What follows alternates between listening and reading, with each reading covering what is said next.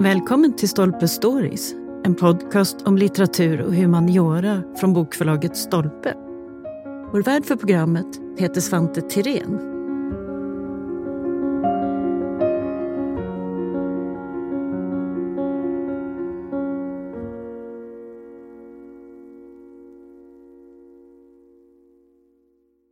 I det här avsnittet ska vi ägna oss åt kakelugnar och historiens syn på klimatet.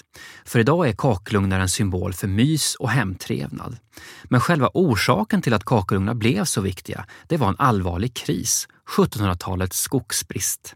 Den tidens vanliga eldstäder slukade enorma mängder ved och avskogning hotade stora delar av Sverige. En av lösningarna det blev kakelugnar med vedbesparande rökkanalsystem. Och sen blev kakelugnar en av de viktigaste värmekällorna i svenska hem ända in på 1900-talet. Men hur såg man egentligen på kyla förr i tiden? Vad tänkte man om klimatets betydelse för människan? Karl Frängsmyr, idéhistoriker vid Uppsala universitet, är en av författarna till boken Kakelugnen i Sverige. Han ska berätta mer om historiens syn på klimat, karaktär och människa. Varmt välkommen hit Karl. Tack så mycket. I ett annat avsnitt så kommer vi prata mer om kakelugnens eh, konsthistoria, men den här gången så är det just idéerna och diskussionerna bakom vi ska fokusera på. Och om vi börjar med det här med klimat, det är inte någon ny fråga, eller hur? Nej, faktum är att eh, bara några år innan eh, Kronstedt och Vrede presenterade sina första banbrytande ritningar till kakelugnen, alltså 1764, tre år innan, så eh, ordnade till och med Kungliga Svenska Vetenskapsakademin en pristävling på temat Vilka äro det svenska klimatets förmåner och olägenheter. Så att det var en stor, omfattande diskussion som spände vid den här tiden över allt från historieskrivning till frågan om nationalkaraktär till ekonomi, hur man skulle använda naturen, naturresurserna och eh, eh, som du själv var inne på, hur man skulle lösa de praktiska eh, men också filosofiska frågorna som klimatet eh, ställde till den tidens människor. Klimatforskning redan då? Det kan man säga. Och I boken så skriver du just om 1700-talet, för där var ju det här högaktuellt kan man ju säga. Och det var ju vetenskapsmän, det var filosofer och många andra. Ehm, förutom att vi i Sverige då hade liksom en, en skogskris, varför var klimatet ett sånt hett ämne på 1700-talet? Ja, eh, det finns många svar på den stora frågan. En viktig anledning var ju att man, eh, alltså de föregående århundradena, 1500-talet och 1600-talet, hade ju varit de stora geografiska upptäckternas tid. Det var då eh, européerna framförallt då på allvar kom i kontakt med eh, andra kontinenter, andra världsdelar, följaktligen också med eh, kulturer och människor som tedde sig och såg helt annorlunda ut förstås och eh, det här eh, genererade förstås ett stort eh, filosofiskt och mänskligt intresse. Man talade ju om människoforskning under 1700-talet, det som kanske i en senare tid har kommit att kallas för antropologi. Eh, den typen av frågor blev ju per automatik viktiga. Eh, sen så har vi inom filosofin John Locke empirismen, hela tanken om människans eh, formbarhet. Det gjorde att det fanns en väldig jordmån för, eh, eller ett behov av att förklara vad är människosläktet? Hur ska det definieras? Varför ser kulturer och människor olika ut? Och i hela den här stora diskussionen så blev klimatet en nyckelfråga. Så att om vi tänker, det här är ju då upplysningstiden och ju mer man får veta om världen, desto mer medveten blir man då kanske också om till exempel klimat och eh, olika relationer till natur och allt det här. Ja, klimatet eh, var ju det redskap man hade för att förklara till exempel varför uh, olika människor hade olika slags uh, hudfärg, såg annorlunda ut. Uh, det var den så att säga naturliga tanken att det var naturen och klimatet som präglade människan och hur långt denna prägling gick Eh, där fanns det förstås olika eh, meningar. Det är ju alltid så med ett så nebulöst begrepp som klimatläran att eh, Beroende på var man befinner sig så kan man alltid argumentera för att just den egna platsen och det egna landet har fått det ideala klimatet eh, eh, för att utveckla allt från statskonst till filosofi eller olika styrelseskick. Det var lite av en tävling vem som hade bäst klimat, eller? I högsta grad och som sagt, det här är ju någonting som också går tillbaka ända till antiken. redan Aristoteles använde ju klimatläran alltså på 300-talet före Kristus i sin politiken där han ju hävdade att folken från norra Europa eh, visserligen var modiga men inte så värst intelligenta. Asiaterna å andra sidan var eh, intelligenta men ganska fega. Den perfekta blandningen, föreningen av intelligens och järvhet fanns då förstås i Grekland, ja. i Hellas. Och eh, det här är ju ett mönster som sen går igenom århundrade efter århundrade. Fransmannen Jean Baudin som i slutet på 1500-talet la grunden till det som ibland kallas för den moderna klimatläran hade ju exakt samma resonemang men kom då till slutsatsen att hans eget Frankrike i själva verket var den plats som lyckades på bästa sätt förena dessa båda ytterligheter. Just det, och det finns väl svenska röster som hävdar det här också så småningom? Ja, dels så småningom, framförallt så småningom, men även eh, tidigare, eh, framförallt eh, Olaus Magnus i Historia om de nordiska folken som utkom ungefär samtidigt som eh, Jean Baudins eh, franska skrift. Den är ju en en enda stor beskrivning av Nordens kalla, kyliga och just eh, i kraft av detta så exotiska natur. Det var så Olaus Magnus ville framställa sitt gamla hemland. Han var ju en landsflyktig eh, katolsk ärkebiskop som kom att verka i, i Rom hos påven. Men det var så här han ville då skapa bilden av sitt eh, arktiska paradis eh, Sverige givetvis i akt och mening att eh, påven verkligen skulle finna det mödan värt att försöka eh, försvara denna exotiska landsända och inte släppa den för långt in i reformatorernas händer. Så att eh, visst, klimatet har funnits med eh, både i bakgrunden men också i förgrunden i många historiska ja. sammanhang. Ja, klimatet kan användas i många syften. Använder man ordet klimat förr i tiden? Ja, det gjorde man. Eh, klimat då på svenska, eh, stavat med C, som man ju gjorde ända in på 1800-talet. Men man använde också ord som eh, till exempel luftsträck. Men precis som idag så var man under 1700-talet väldigt mån om att eh, betona att klimat inte betydde meteorologi i någon inskränkt mening utan det hade en sån vid innebörd att det oftast i alla fall innebar i princip hela människans fysiska livsmiljö. Jaha, just det. Så att det är ett ganska flexibelt ord, då, då som nu får man Exakt väl säga. Exakt så, ja. ja. Jag förstår. I din text så skriver du ju om väldigt många olika roliga och spännande filosofer och andra tänkare som är engagerade i det här. Och en av dem är ju Montesquieu, eller hur? Den franske politiska filosofen som ju kanske är mest känd för sin maktdelningslära och allt det här. Och du har med ett citat från honom. Jag tänkte att vi läser upp det så får du tolka här. Det är i norr dessa tappra folk utvecklas, som lämnar sina länder för att slå ner tyrannerna och slavarna och lära människorna att eftersom naturen har skapat dem jämlika så har förnuftet inte kunnat göra dem beroende annat än när det varit nödvändigt för deras lyckas skull. Långa meningar på den här tiden. Vad menar Montesquieu med det här?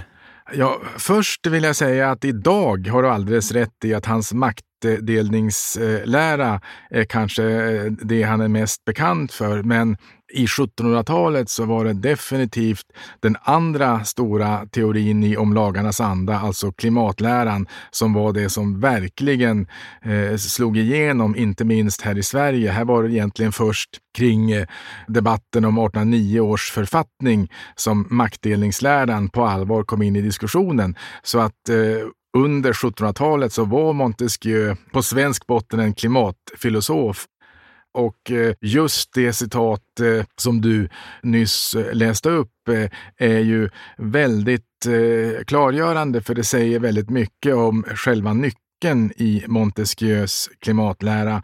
Montesquieu hävdade att kylan drog ihop kroppsfibrerna, gjorde kroppen kroppen starkare, eh, mer elastisk, mer lämpad för krigiska övningar.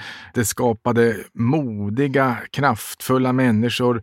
Men det skapade också eh, frihetliga styrelseskick. Montesquieu är ju inte bara en antropolog utan också en slags tidig sociolog. Så det handlar också om hur samhällena utformas. Och i det här specifika fallet så knyter ju Montesquieu an till eh, den även i Europa vida spridda gotermyten som då eh, fortfarande betraktades som en allmän sanning i många sammanhang, det vill säga att eh, de germanska stammar som eh, kring år 500 efter Kristus eh, stormade in och erövrade det som då återstod av det västromerska riket och så att säga eh, i detta politiska virvar som rådde för drygt 1500 år sedan så skapade man då ja, ett nytt maktcentrum på det gamla Roms fall. Och dessa germanska gotiska stammar eh, hade, antog man, långt tidigare utvandrat från ön Skansa, alltså Skandinavien i norra Europa och eh, så småningom fullgjort sin historiska uppgift att krossa tyranniet i Rom och ersätta detta med det frihetliga nordiska styrelseskicket. Idag är det ju naturligtvis en en halsbrytande tanke, men tänk då att i Sverige, som då på 1700-talet var en sargad nation efter stormaktsväldets fall, som led av virkesbrist, eh, svält. Där gällde det ju att samla nationen kring det man verkligen hade som en tillgång. Och det var inte minst då detta arv eh, som man då betraktade som historisk sanning. Och förstås kom Montesquieu på det sättet att eh, vara precis det man behövde, precis det man ville höra. Att en stor fransk filosof kommer och talar om för oss det vi redan visste, att eh, det är vi eh, goter, det vill säga svenskar, som har fått då detta, denna gudagåva i kraft av vårt klimat. Just det, och där börjar ju den här traditionen som vi ska återkomma till lite grann, just med hur vi, hur vi använder eh, klimatet i vår egen självbild. I Sverige då, Montesquieu utvecklar ju den här klimatläran. Finns det svenskar också som utvecklar teorier och åsikter om det här? Precis, eh, det är en rad eh, svenskar, många tar ju upp eh, tråden från Montesquieu. Paradexemplet är ju historikern Olof Dalin som i första delen av eh, sitt stora historiearbete Svea rikes historia från 1747 som utkom då året innan eh, Om lagarnas anda kom ut. Där gör eh, Olof Dalin upp räkningen med eh, forna tiders eh, överdrivna götiska eh, drömmerier, Rudbecks tankar om att Skandinavien skulle ha varit identisk med den sjunkna sagoön Atlantis eller eh, Johannes Magnus tankar om att svenskarna härstammade direkt från eh, Noas son Jafet. Allt det där ansågs då eh, höra en svunnen tid till som inte höll streck för den tidens kritiska nya historieskrivning. Så detta gör Olof Dahlin 1747, året innan Om lagarnas anda utkommer. 1750 när han utger andra delen av Svea rikes historia så tar han redan i förordet upp de här nya teorierna från Montesquieu eh, och fastslår det då som det vore ett historiskt faktum att det var svenskarnas eh, ättlingar som hade krossat romarriket och han gör det under uttrycklig hänvisning till då detta nya auktoritativa rön från Frankrike. Så där ser vi ju direkt hur Montesquieus teori snabbt kom till Sverige. Men sen ska jag ju samtidigt understryka att även i Sverige så rymde debatten alla möjliga schatteringar och ja. åsiktsbrytningar. Det fanns eh, filosofer som Bengt Ferner som helt motsatte sig klimatets eh, inverkan och hävdade istället att det var seder och bruk, inte naturens yttre påverkan som låg till grund för uppkomsten av olika nationalkaraktärer. Vi har den berömde Ehrensvärd, den store estetikern som ju hävdade att Sverige var eh, ganska primitivt genom vårt klimat. Eh, sann konst eh, tarvade det sköna tempererade klimat som bara Grekland och medelhavsvärlden kunde uppbringa. Så att eh, även i Sverige vill jag understryka så var klimatdiskussionen eh, i mångt och mycket en, en, bred palett av åsikter av alla möjliga slag kan man säga. Nej, just det. Det var, det var ingen konsensus. Klimat var på agendan, men det fanns väldigt olika ståndpunkter. Precis som idag. Ja, precis som idag. Vi nämnde ju redan nu Kronstedt och Vrede. De är ju berömda för det här rökkanalsystemet som de lanserar 1767. Där man alltså då får en pedagogisk förklaring till hur man murar kakelugnar på det här sättet då, som man sparar ved. Men det här med ökad komfort, alltså när det blev varmt och mysigt, var det bara någonting som alla tyckte var positivt eller fanns det olika åsikter även där? Ja, 1700-talet var ju som jag eh, redan har sagt i mångt och mycket paradoxernas århundrade.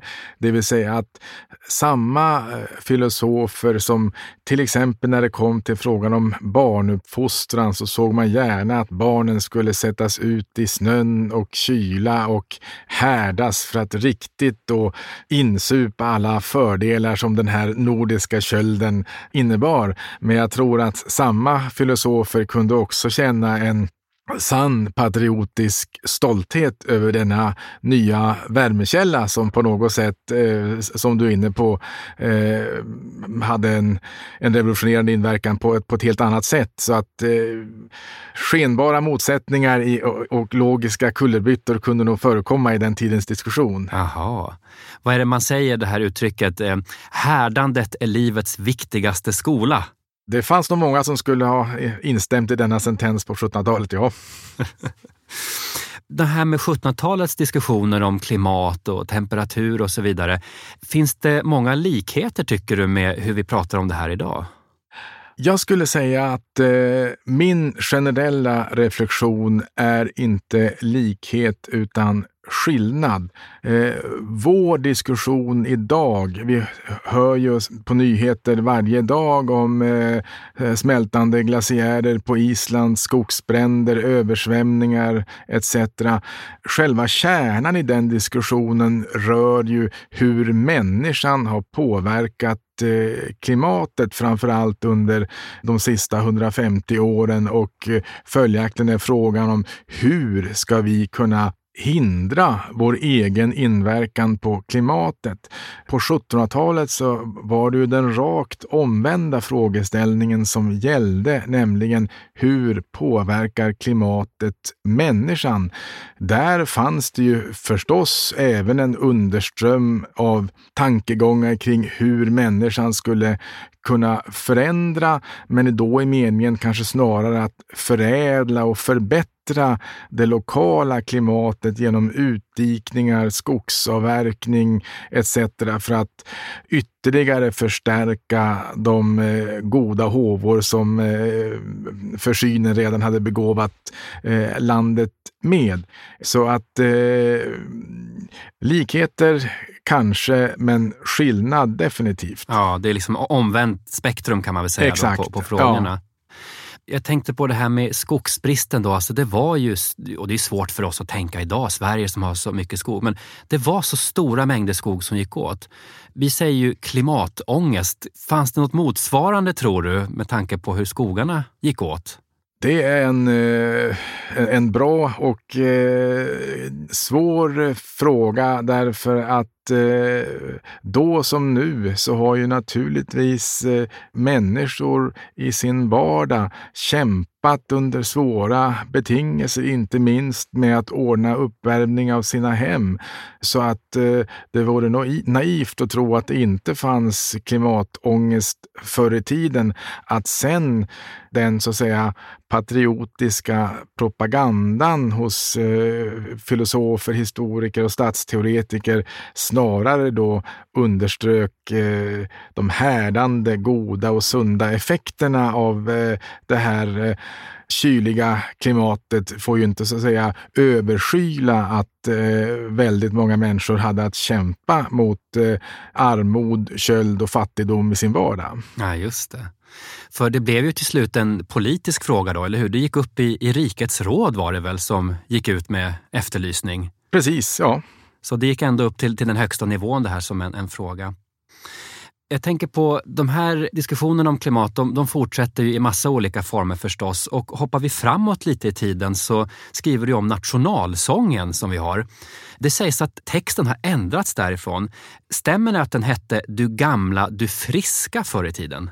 Det stämmer. Det var eh, Richard Dybecks eh, originaltext eh, på 1840-talet. Eh, men sen kom den att ändras eh, ganska snart efter 10-15 år till att istället bli Du gamla, du fria. Vilket då inte, eh, som man kanske tror, syftar på frihetsliv i någon slags allmän känsla utan eh, just den nordiska friheten, eh, arvet Eh, från den gamla göticismen som fortfarande levde kvar ännu långt inne i 1800-talet. Du tronar på minnet från fornstora dagar då ärat ditt namn flög över jorden. Det är ju en omskrivning av den här gotiska utvandringsmyten och spridandet av den nordiska friheten som då i mångt och mycket ansågs bottna i det kalla klimatet. Just det. Så det är intressant skiftningen då, att det till och med i vår nationalsång så ja. finns det en liten glimtning av, av det här. Absolut, och, och, eh, en glimtning som vi kanske inte ens själva reflekterar över, men som för människorna som hörde sången och läste texten när den kom naturligtvis eh, direkt associerade med eh, den här då väldigt gamla svenska tankefiguren. Mm. Du skriver ju om det här och mycket annat i ditt kapitel i den här boken då, som heter Kakelugnen i Sverige. Och jag funderar på, är det så att kakelugnar och värmekällor, är de lite underskattade i sin påverkan på eh, när man tänker hur vi utvecklar människosyn och sånt? Jag menar, idag är ju kakelugnar mest en, en vacker antikvitet för många. Men på den här tiden så var de ju nära vetenskap och politik och allt möjligt. Ja, det är ju också en, eh, en mångfacetterad och mångbottnad eh, fråga.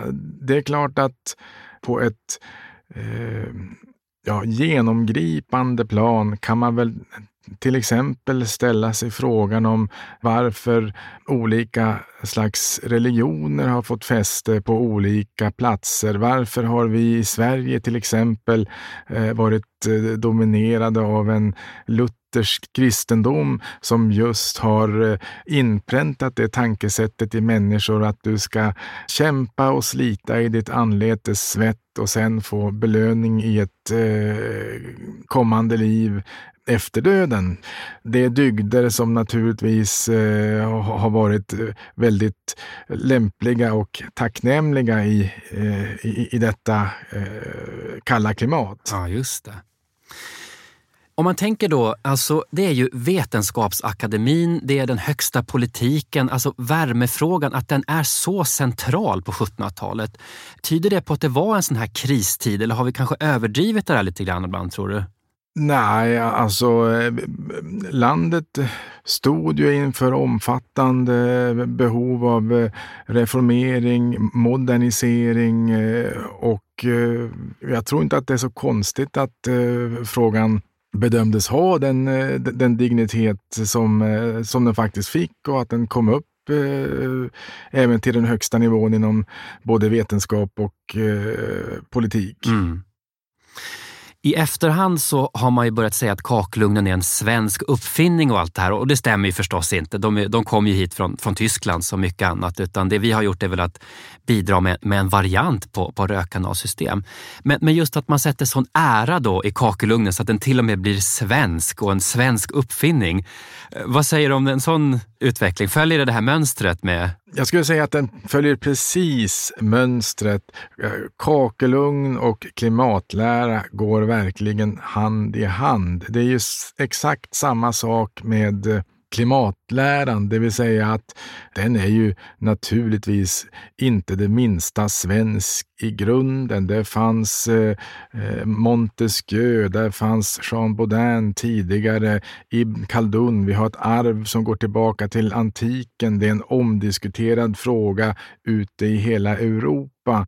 Eh, men i Sverige samlar man ihop alla beståndsdelar, särskilt då förstås de beståndsdelar som lättast gick att eh, anpassa till den svenska nationaluppfattningen och skapar då en svensk klimatlära som blir en slags injektion som gör att man kan behålla mycket mycket av den gamla götiska tanketraditionen samtidigt som man också kunde slå sig för bröstet och säga att vi är minsann kritiska, moderna historieskrivare. Vi lyssnade inte längre på de här eh, rudbeckianska eh, halvstolliga myterna. Exakt så är det ju med eh, kakelugnen. Man plockar upp eh, saker som händer i världen och man gör det till en svensk uppfinning och eh, i båda fallen eh, slår man sig lite för bröstet och eh, känner att man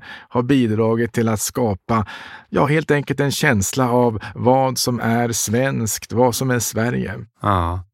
Ja, man kan konstatera att stora idéer och ganska starka känslor de har varit följeslagare till kakelugnen och kommer kanske fortsätta vara det också. Stort tack för att du kom hit, Karl. Tack så mycket.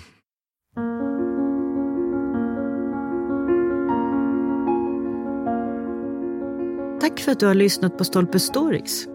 Missa inte att du som lyssnar har 20 rabatt på bokförlaget Stolpes titlar hos Bokus.com.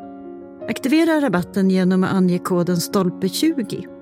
Och för att lyssna på fler avsnitt, följ oss där poddar finns och på sociala medier.